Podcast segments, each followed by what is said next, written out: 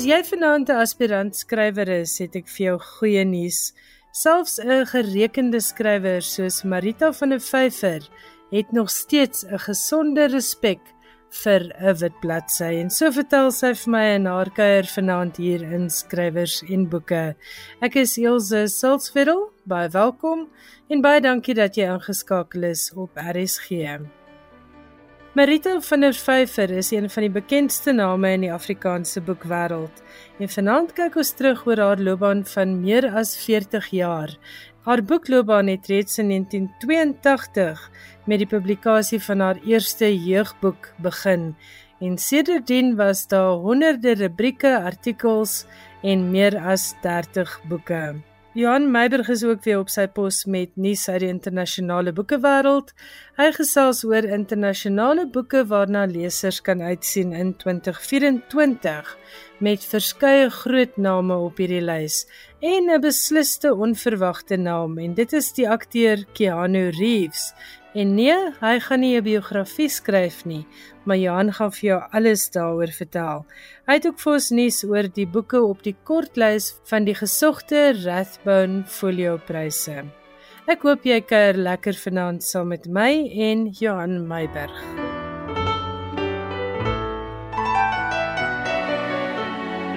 Ons val sommer dadelik weg met Johan se bydrae oor die Rathbone Folio Prys se kortlyste en hoor ook hoe gaan hulle vanjaar die wenners aanwys. Hier is Johan. Die Rathbones Folio Prys wat nou al 10 jaar lank bestaan, heet voortaan The Writers Prize. In drie kortlyste vir die 2024 prys is pas aangekondig. Die wenners van die drie kategoriepryse, asook die algehele wenner, word in Maart aangekondig. Die drie kategorieë is steeds fiksie, nie-fiksie en poësie. Wat vanjaar anders is, is dat daar nie meer 'n paneel beoordelaars is wat die wenners aanwys nie, maar die 350 of wat lede van die Folio Akademie bepaal voortaan die kortlyste en die wenners. Vir elke kategorie is 'n kortlys van 3 boeke aangewys.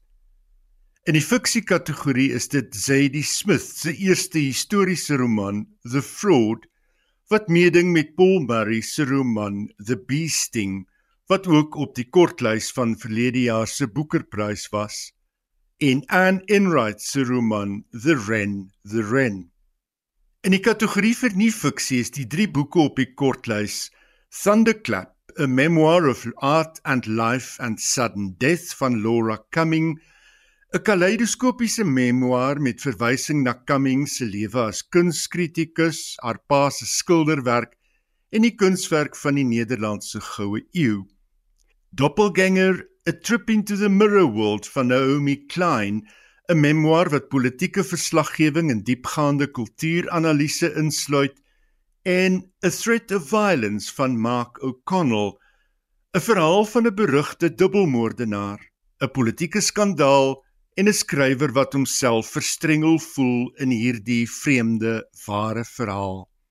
Die drie digbundels wat meeding is: Self-Portrait as Othello van Jason Allen Besant, The Home Child van Liz Berry en Bright Fear van Mary Jean Chan. Uit die nege boeke word 'n algehele wenner aangewys. Verlede jaar was Margot Jefferson die wenner van die Rathbones Folio Prys met haar Constructing a Nervous System. Baie dankie Johan Meiberg. Jy luister na skrywers en boeke, jou belangrikste bron oor Afrikaanse boeke. Die naam Marita van der Vyver beteken vir verskillende lesers verskillende boeke. Vir my is Marita sinoniem met boeke soos Griet skryf 'n sprokie en natuurlik die baie bekende jeugverhaal Hanna Hoekom. Ek gesels nou met Marita wat na 'n swerfjaar weer terug is in Frankryk waar sy sedert 1999 woon. Marita, goeienaand, baie welkom by Skrywers en Boeke. Dankie dat jy met my gesels. Ek wil sommer met die deur in die huis val en hoor waar kom hierdie liefde vir skryf vandaan? Ek weet jy het 'n meestersgraad in journalistiek, maar is dit iets wat jy altyd wou doen? Kom jy uit 'n huis waar boeke en lees belangrik was of hoe het dit vir jou gebeur? Ek is altyd verbaas as ek hoor van skrywers wat so half toevallig iewers langs die pad in hulle lewe 'n skrywer geword het of eers laat begin skryf het omdat hulle verveeld was of wat ook al. Want ek vermoed dat regte skrywers gebore word. Jy weet van jongs af dat dit is wat jy wil doen. Wanneer jy 'n pen vashou die eerste keer in letters leer vorm, dan word daai letters stories en dan het jy daai gevoel dat dit is wat jy wil doen. Dis in elk geval wat met my gewerk het en dit klink vir my met 'n hele paar ander skrywers wat ek bewonder was dit dieselfde soort ding. 'n Mens weet nie waar dit vandaan kom nie. In my geval was daar beslis nie skrywers in die familie nie. Ek het maar net hierdie ding gehad dat ek wou skryf. Miskien het dit iets te doen gehad met die feit dat my ma groot leester was. My ma was mal oor lees. Die genot wat sy uit boeke geput het, was vir my van kleins af iets wat ek na gestreef het, as ek dit so kan stel, die manier hoe sy kon wegraak in boeke. So ek het 'n leser geword en ek dink lees en skryf gaan saam. Iemand slimmer as ek het dit nou die dag met asemhaling vergelyk. Vir 'n skrywer is lees en skryf soos asemhaal. Lees is om in te asem en skryf is om uit te asem. Stephen King het hierdie wonderlike boek On Writing geskryf wat vir baie skrywers die beste boek is oor hoe om te skryf. En Stephen King sê if you don't have time for reading, you don't have time for writing. Voordat jy voltyds fiksieskrywer geword het, het jy as joernalis gewerk en selfs ook 'n ruk vir leserskring. Vertel vir ons 'n bietjie meer daaroor.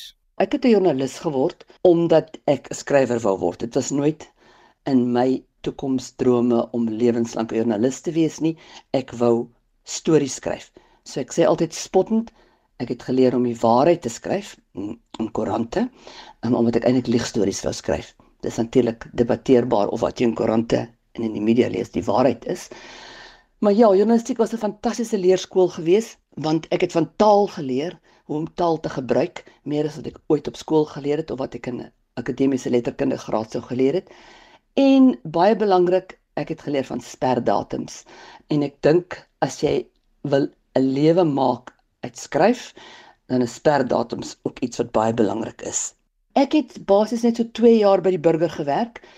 Ek was gelukkig geweest om uh, die kantoor in Stellenbosch te beman of te bevrou. En daai dae ek moes alles doen van hofsaake tot moordsaake tot skoonheidskompetisies tot onderhoude vir die kunsblad wat my in 'n kort tydjie 'n baie breë ondervinding gegee het. En toe so na 2 jaar het die politiek van die burger my ondergekry. Onthou dit was in die vroeë jare 80. Dit het moeilik geraak om dit vir myself te verdedig om daar aan te hou werk en ek wou wegkom en hulle het leserskring net begin in daai tyd. En ek het 'n job daar gekry waar ek inderdaad 'n jaar lank verskriklik baie moes lees, ook 'n groot klomp goed wat ek gespoed lees het want ek noem dit ons het dit How to Live Your Life boeke genoem waar ek net 'n klein stukkie moes skryf, maar ek het ook 'n klomp wonderlike boeke in daai tyd gelees. En die lekkerte is dat ek baie van daai boeke kon present kry want dit is boeke dan nou net jy kan hou. So ek het maar as 'n baie arm eh, joernalis baie jonk kon ek begin om vir my 'n biblioteek op te bou toe ek ook nog 3 jaar by Sari gewees want na ek weg was uit die burger het gedink my tydskrifjournalistiek sal dalk meer my ding wees as weg van die politiek af terwyl ek by leserskring was het ek begin vryskut stories skryf vir Sari en toe daar pos oopgaan na 'n jaar het ek van leserskring oorgeskryf na Sari toe waar ek vir 3 jaar lank 'n verslaggewer was, joernalis, ehm uh, skrywer. En toe het ek net langs die pad besef maar ek gaan nooit weer 'n boek geskryf kry nie as ek die heel dag ander mense se stories sit en skryf nie. Daar was dit die tyd nie, ek was te moeg saans geweest. Ek moes ook ander vryskut werk doen om aan die lewe te bly want ons is so sleg betaal destyds. Soos dis hoe ek al Grimm se sprokies vertaal het en baie ander soort vertalings in daai tyd gedoen en toe het ek bedank en besluit kom ek probeer die vryskut ding al is dit nou net vir 'n paar maande al is dit vir 'n jaar vat dit dag vir dag en doen alles wat met woorde te doen het om aan die lewe te bly vertaalwerk proefleeswerk vryskut stories vir koerante en tydskrifte maar die verskil was ek kon my ure rangskik soos dit my pas en ek kon verder werk aan 'n boek Jou eerste 3 boeke was jeugverhale. Hoe het dit gebeur dat jy besluit het om te begin met jeugfiksie? Ek het met jeugfiksie begin om die baie eenvoudige rede dat ek te jonk gevoel het om 'n sogenaamde groot mens storie te skryf. Jy weet ek was 21 toe ek my eerste jeugboek van jou jas geskryf het. Ek was 23 toe dit gepubliseer is. Ek het so jonk gevoel en as jy 21 22 is, is die wêreld van volwassenheid 'n vreemde land.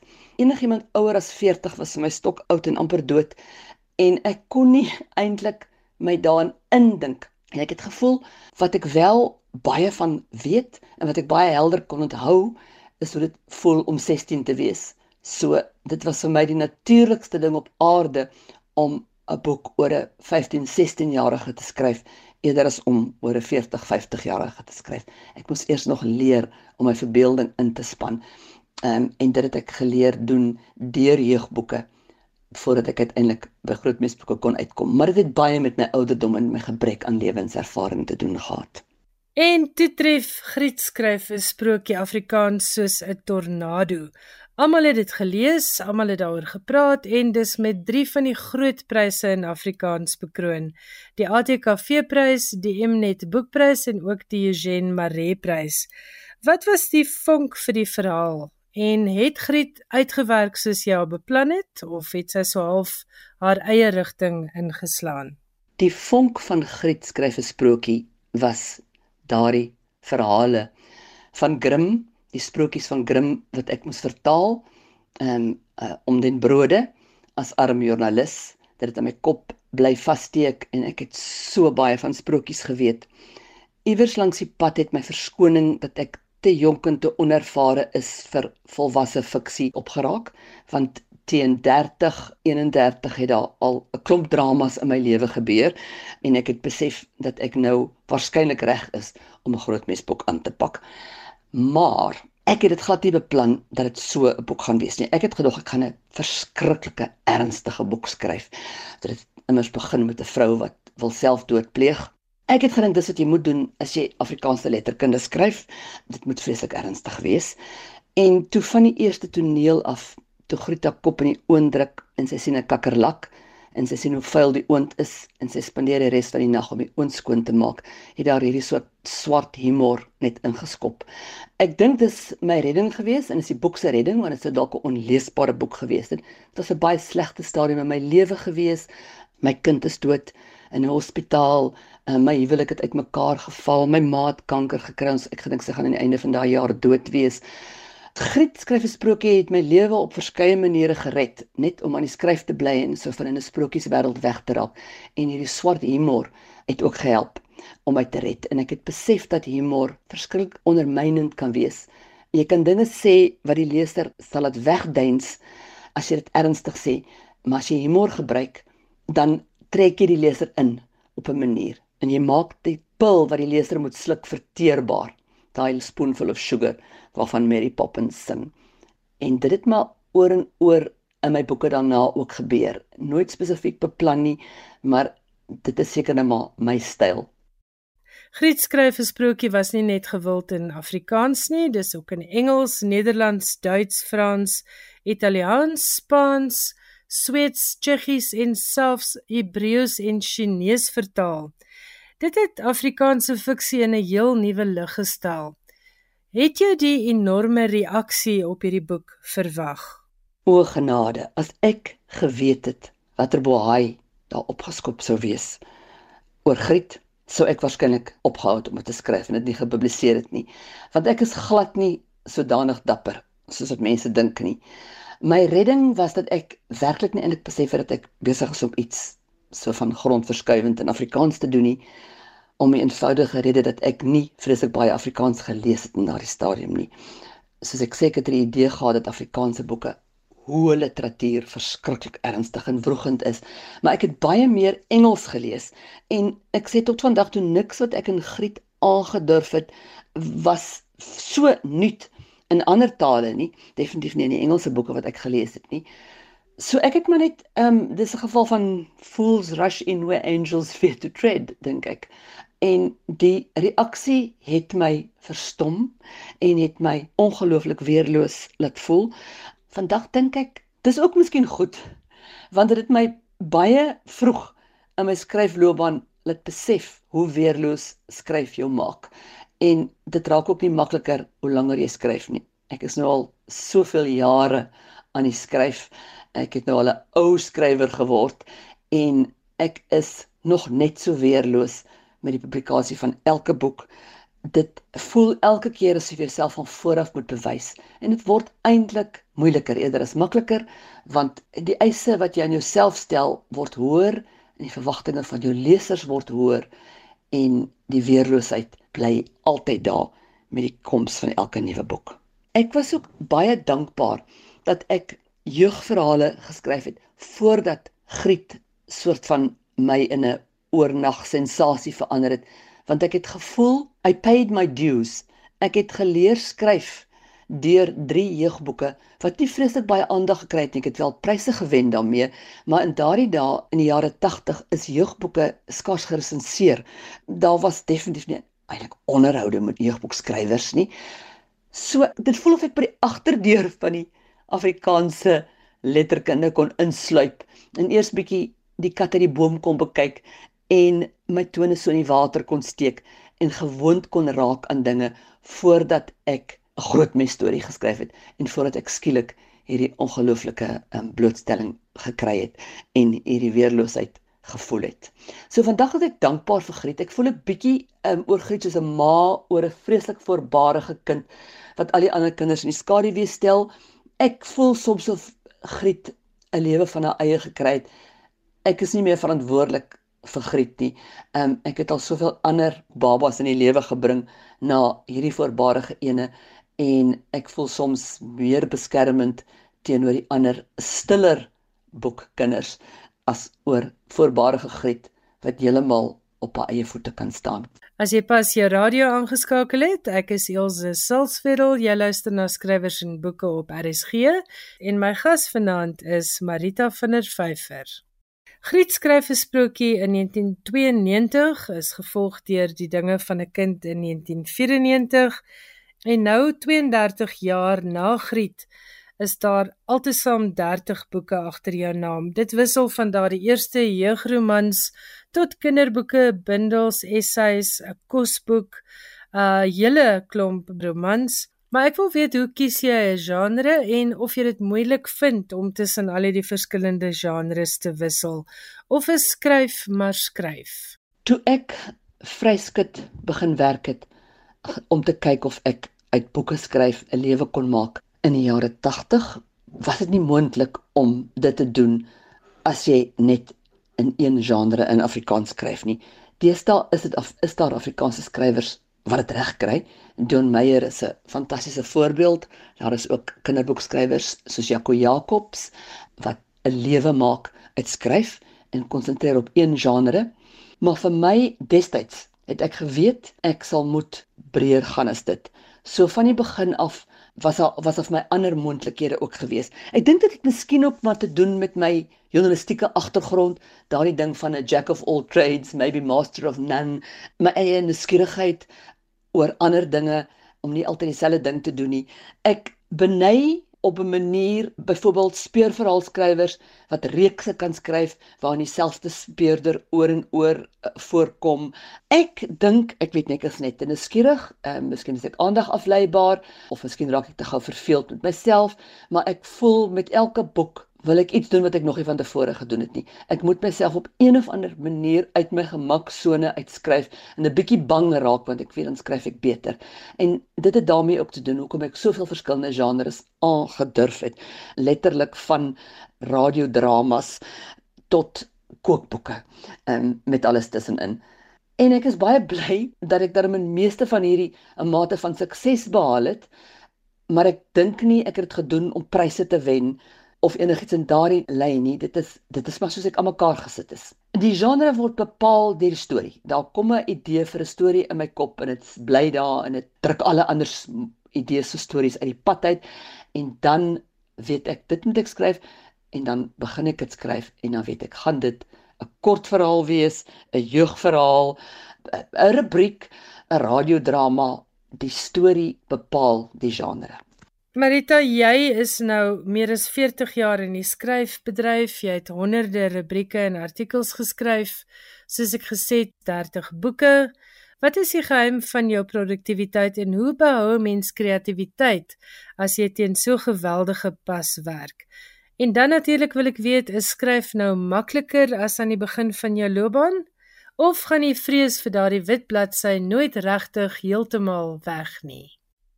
Produktiwiteit en kreatiwiteit gaan hand aan hand met dissipline en rotine. Die een kan nie sonder die ander nie. Ek het deur die jare wanneer ek ook al by 'n internasionale geleentheid die kans gekry het om met sal ek maar sê internasionaal beroemde skrywers in aanraking te kom, het ek hulle altyd hierdie vraag gevra oor wat is hulle skryf rotine. Wanneer skryf hulle?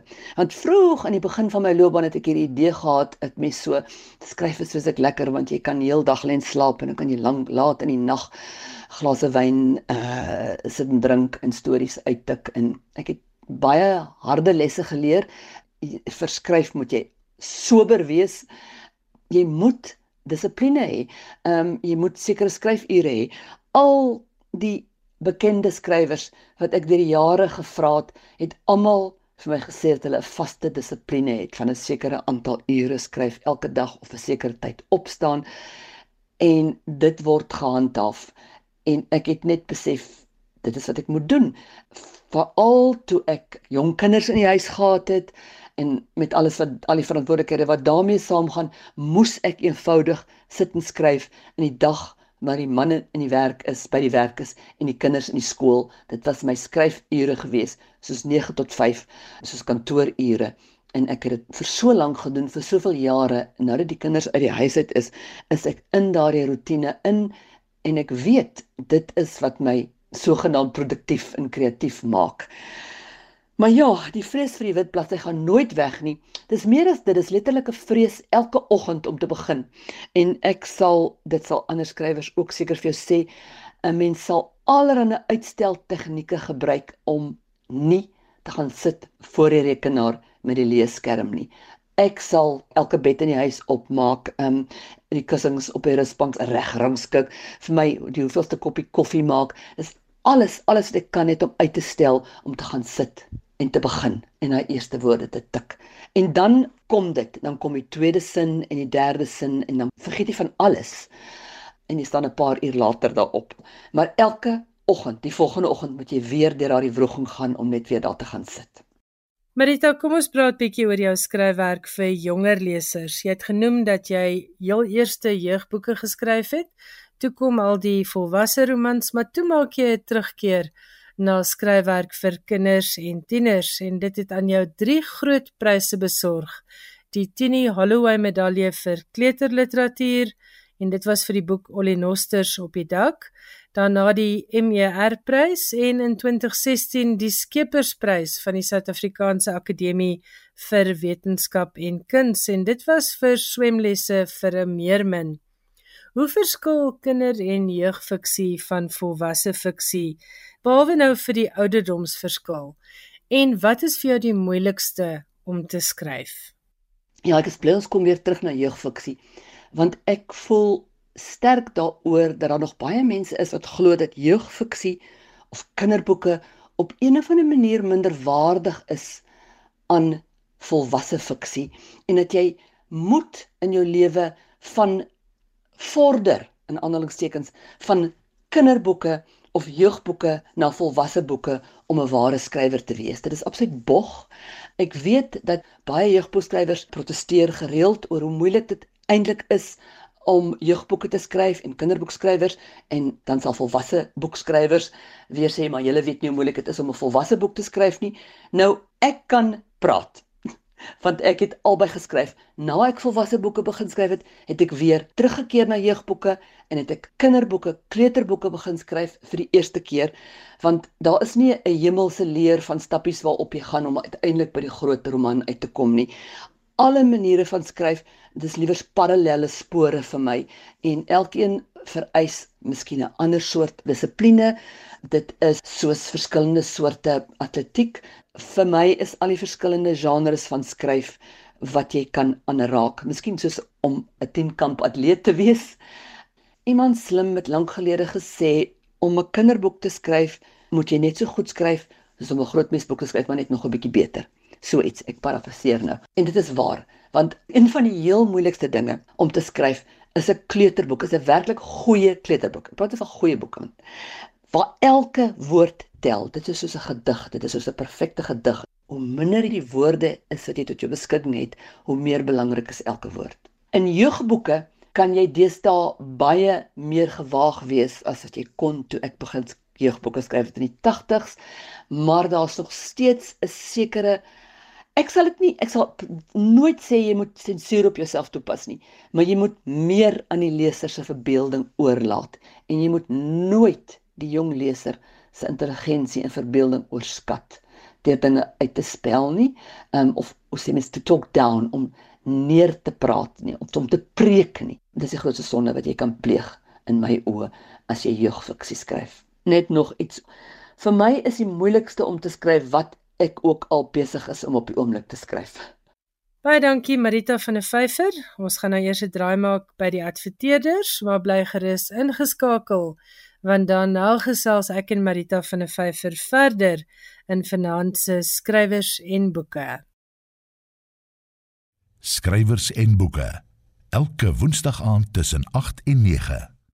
Ek is Elsje Silsveld. Jy luister na skrywers en boeke en ek nooi jou om nou verder saam met my en Marita van 'n vyfer te kuier. Sy gesels met my al die pad uit Frankryk. Marita het nou al 'n paar mense gesels oor Laaste Kans, jou jongste boek, en ek is seker daarvan al jou aanhangers het dit teen hierdie tyd al gelees. Dis 'n vervolg op Wegkom Kans wat in 1999 verskyn het en wat weer in 2018 heruitgegee is. Jy het ook destyds 'n vervolg op Griet skryf 'n sprokie geskryf. Nou wil ek weet oor die vervolg op 'n vorige boek. Wat laat jou besluit om so iets te doen? Is dit maar op lesers se aandrang of kom die karakters maar net weer terug en sê ons het vir jou nog 'n storie? Sekere karakters bly eenvoudig voortlewe nadat ek klaar oor hulle geskryf het in 'n boek. Dis asof hulle nie wil weggaan nie. Hulle bly iewers agter. En dan het ek gevind, dan duik hulle op in klein kameerrolletjies in ander boeke. Griet is so 'n karakter en Mart van dinge van 'n kind is nog so 'n karakter en daar's 'n paar ander wat lesers wat my boeke werklik goed ken sal weet dat hulle duik op in ander boeke, in verskeie ander boeke. Dit het amper 'n soort van 'n binnepret speletjie vir myself geword teen hierdie tyd. Dis asof ek as skrywer so 'n virtuele wêreld het, al die boeke, volwasse boeke en selfs jeugboeke wat ek deur die jare geskryf het, um bestaan in 'n wêreld net aan 'n kant myne en hierdie mense leef voort en hulle word ouer en hulle sal miskien dieselfde mense ken, dieselfde vriendekring hê, daar sal oorvleueling wees met ander boeke en dan duik hulle op. So so in laaste kans duik Griet ook weer eens op.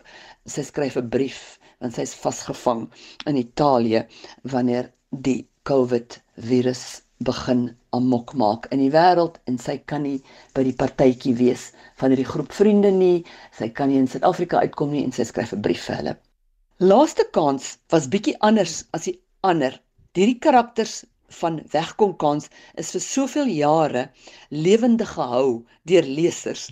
'n Wegkom kans het 'n soort cult following gekry. Ek kon dit nog nooit verduidelik hoekom nie, miskien omdat daar 10 karakters is en omdat dit die dikste boeke wat ek ooit geskryf het en mense het regtig geïdentifiseer met hierdie karakters. Daar was klomp om wat te kies. Dis nie soos 'n boek wat een protagonis het en jy moet net identifiseer met een karakter en jy kon Daar was 10 verskillendes om mee te identifiseer en lesers het die boek oor en oor gelees en vir my gesê verskillende stadiums van hulle lewe het hulle met verskillende karakters geïdentifiseer. As jy die eerste keer lees is een karakter nader aan jou en dan lees jy dit 'n paar jaar later weer dan is daar 'n ander karakter wat weer jou karakter word.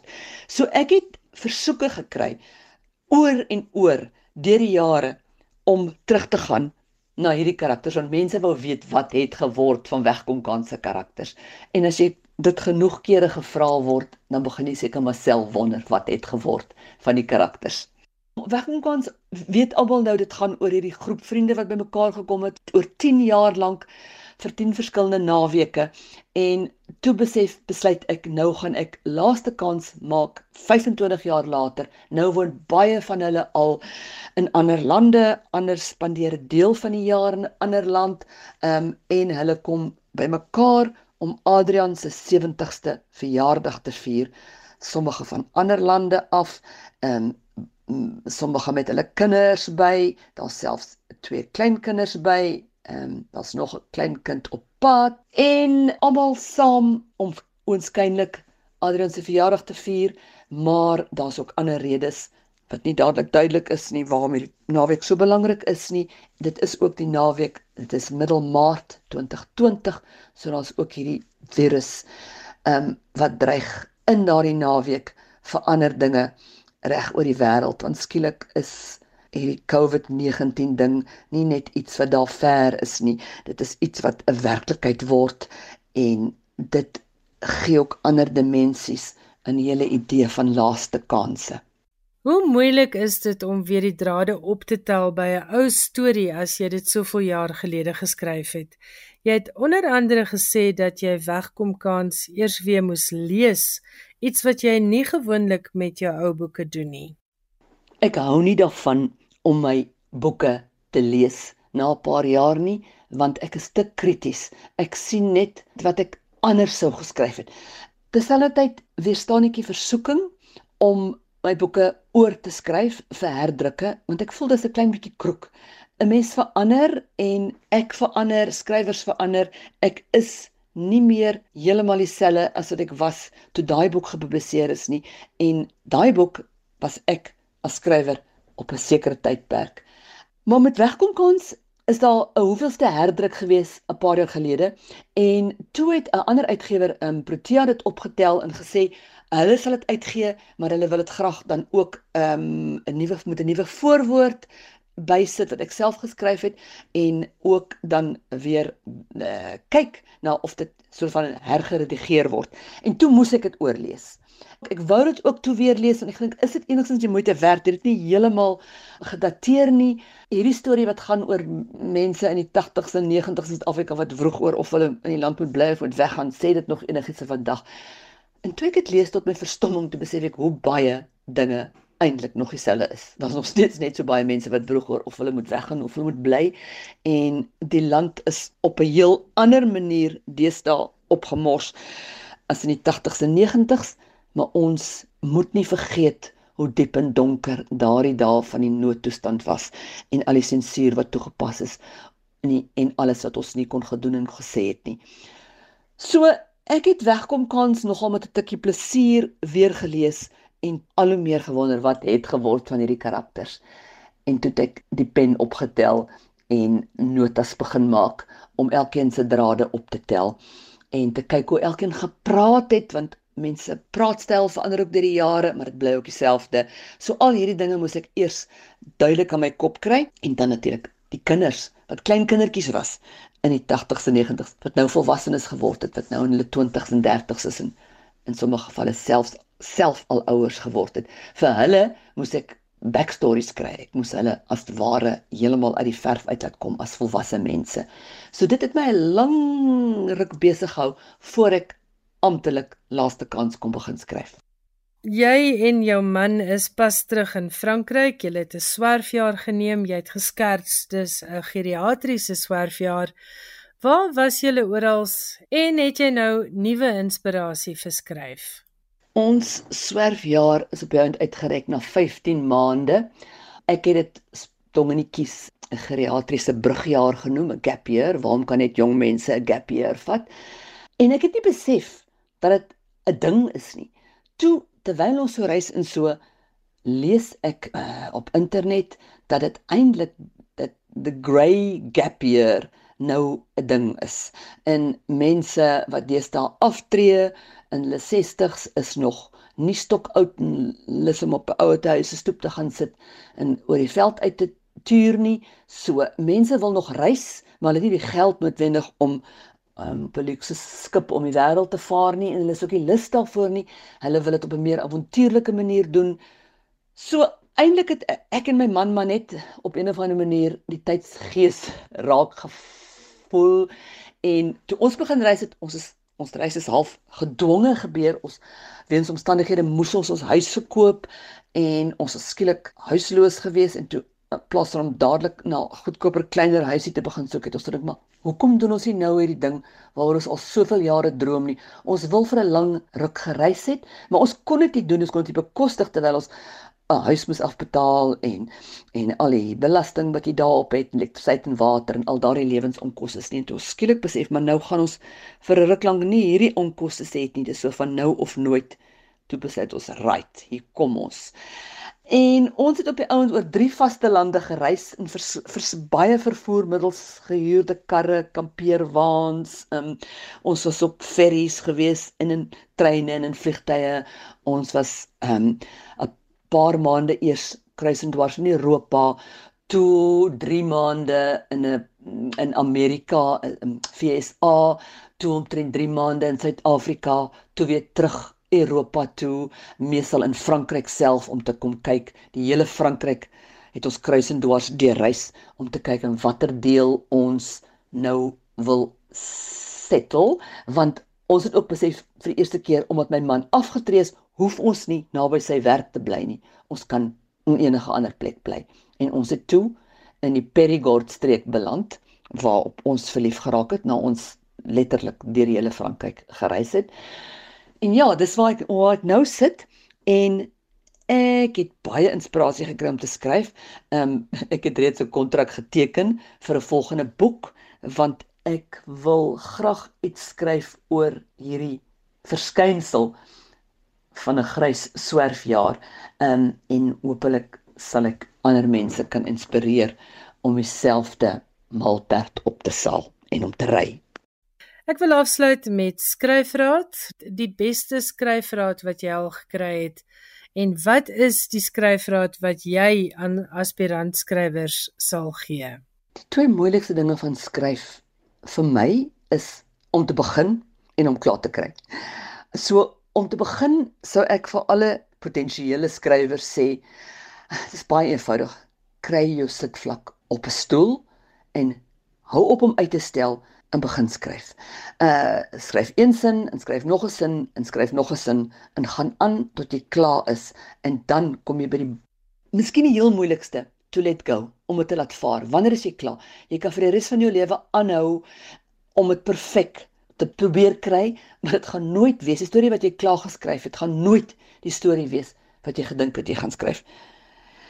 So, toe ek 'n jong skrywer was, het ek vir Elsa Joubert hieroor gevra want ek kon nie laat gaan nie. Ek kon nie, ek wou vasklou in die storie, dis die skeiingsangs en al daai soort van dinge.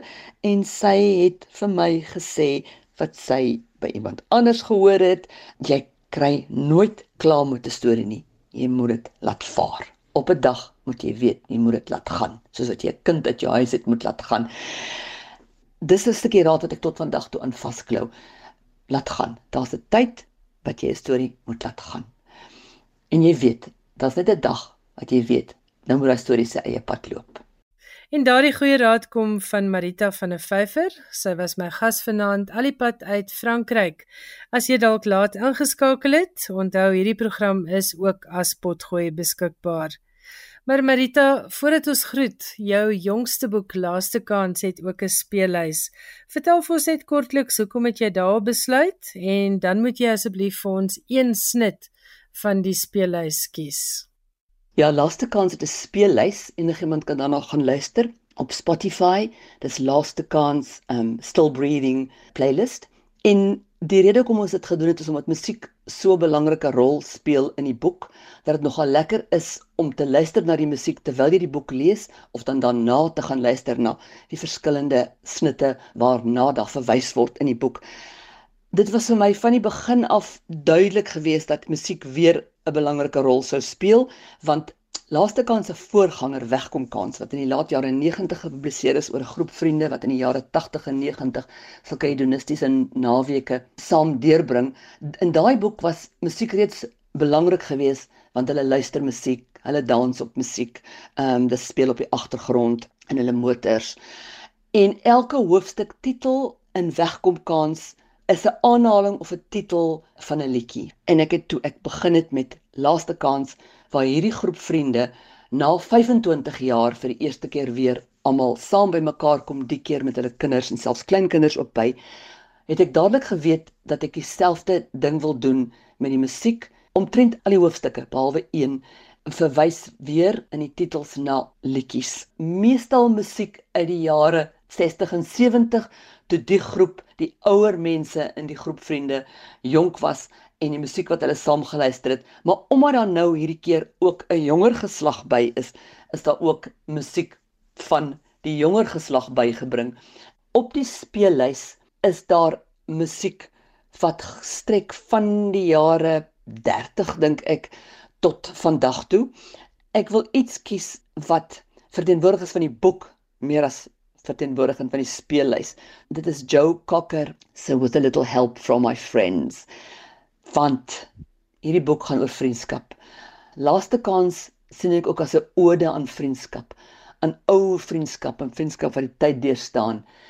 En hierdie liedjie twee van die karakters Mila en Ralph dans in 'n stadium terwyl die musiek speel terwyl Joe Cocker sing en hulle bespiegel dit dit eintlik die tema lied van hierdie groep vriende moet behoort te wees. Was a little help from my friends. En dit kom van die speelhuis van Marita van der Vyver se boek Laaste Kans Still Breathing en jy kan dit opspoor op Spotify. Skrywers en boeke alles wat jy oor die boekewêreld wil weet en meer. Johan Meiburg sluit nou vir ons die program af met 'n lys van internasionale boeke waarna jy kan uitsien later in 2024. En soos ek gesê het, daar is ook 'n verrassing uit die pen van die akteur Keanu Reeves. So in die begin van die nuwe jaar is die allegaartjie wat uitgewers aanbied vir die res van die jaar dalk net die ding om 'n leeslys aangevul te kry. Van dese maand nog verskyn Day van Michael Cunningham, uitgegee deur Fourth Estate. Die eerste roman in 'n dekade deur die skrywer van The Hours. Volgende maand verskyn My Heavenly Favorite deur Lucas Reineveld. 'n Vertaling deur Michelle Hutchinson uitgegee deur Faber. Reineveld was in 2020 die wenner van die International Booker met The Discomfort of Evening. Ook in Februarie verskyn The Physics of Sorrow van Georgi Gospodinov, vertaal deur Angela Rudel en uitgegee deur Weidenfeld en Nicholson. Gospodinov het verlede jaar die International Booker gewen. In Maart verskyn Mona deur die Amerikaanse skrywer Armistead Maupin, die 10de aflewering in die gewilde Tales of the City reeks. In plaas van San Francisco verskuif die fokus in die roman na Engeland. Die boek word uitgegee deur Doubleday. In April verskyn Salman Rushdie se Knife, uitgegee deur Vintage. Rushdie se weergawe van die aanslag op sy lewe in 2022. James deur Percival Everett, uitgegee deur Mantle, verskyn ook in April. Everett wat voorheen op die kortlys van die boeker was, Herferson Adventures of Huckleberry Finn deur die oogpunt van Jim Huck se reisgenoot. The Road to the Country deur Chikosi Obiyama uitgegee deur Hutchinson en Heinemann verskyn in Mei. Dit is Obiyama wat by twee vorige geleenthede op die Booker kortlys was, se derde roman. In Junie verskyn The Architecture of Modern Empire deur Arundhati Roy, uitgegee deur Penguin. Nie fiksie waarin sy in onderhoude met David Bassamian aan die woord kom. In Junie verskyn Alice Smith se Glyph, uitgegee deur Hamish Hamilton. In die tweede helfte van die jaar is daar Death at the Sign of the Rook deur Kate Atkinson, uitgegee deur Doubleday wat wag asook There Are Rivers in the Sky van Elif Shafak uitgegee deur Viking. The Woman Behind the Door van Roddy Doyle uitgegee deur Cape. Annihilation deur Michelle Houellebecq vertaal deur Sean Whiteside uitgegee deur Picador. Shattered deur Anif Kurishi uitgegee deur Hamish Hamilton. The Third Realm deur Karel Ove Knuskor, vertaal deur Martin Aitken en uitgegee deur Havel Sekker en Hirsch deur Laszlo Krasnoworkai, vertaal deur Ottil Moelset en uitgegee deur Tasker Rock. Hy het sy merk gemaak as akteur in rolprente soos My Own Private Idaho in 1991 en as aksieheld in flieks soos Point Break ook in 1991 en Speed in 1994. Maar dit was in die reeks The Matrix wat in 1999 begin het waarmee hy sy roem behaal het. In 2021 het Keanu Reeves, die Libanees-gebore Kanadese akteur, saam met Matt Kint 'n wetenskap tekenboekreeks Berserker uitgegee met tekenwerk deur Ron Gani. Dis die verhaal van 'n onsterflike kryger wat sy pad deur die eeue opveg. En nou kan wetenskapfiksie lesers uitsien na Reeves se eerste roman, The Book of Elsewhere, wat in Junie by Penguin Random House verskyn. Hy gee die boek uit in samewerking met die Britse skrywer China Miéville. Miéville is die skrywer van The City and the City, Embassy Town en Pedido Street Station. En is die enigste skrywer wat daarin kon slaag om die Arthur C. Clarke Fiksieprys 3 keer te verower. Oor die samewerking het Miéville gesê die heerlikste spel kom dikwels tot stand wanneer jy met ander mense se speelgoed speel. Dit was 'n eer, 'n verrassing en 'n vreugde toe Keanu my gevra het om saam te speel, het hy gesê. Wat ek nie voorsien het nie, was sy ruimhartigheid om te speel met speelgoed waarmee hy so lank besig was. Hier is Keanu Reeves met 'n kort aankondiging van sy roman The Book of Elsewhere. I'm very excited for the opportunity to announce that I have partnered with one of my favorite authors, China Mieville, on the novel The Book of Elsewhere. The novel is inspired by the comic book series I created, Berserker, and co wrote with the writer Matt Kent and artist Ron Garney. The series tells the story of an immortal warrior's fight through the ages. And I love the world of Berserker so much that I wanted to explore it further, and I thought one of the best ways to do that is through a novel. The Book of Elsewhere will publish in July 2024. If you read it, I hope you love it. Thank you.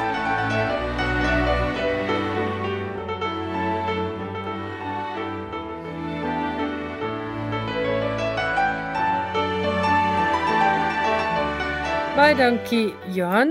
Daardie laaste stem het behoort aan die akteur Keanu Reeves wat onlangs aangekondig het dat sy eerste wetenskapsfiksie roman later vanjaar gaan verskyn.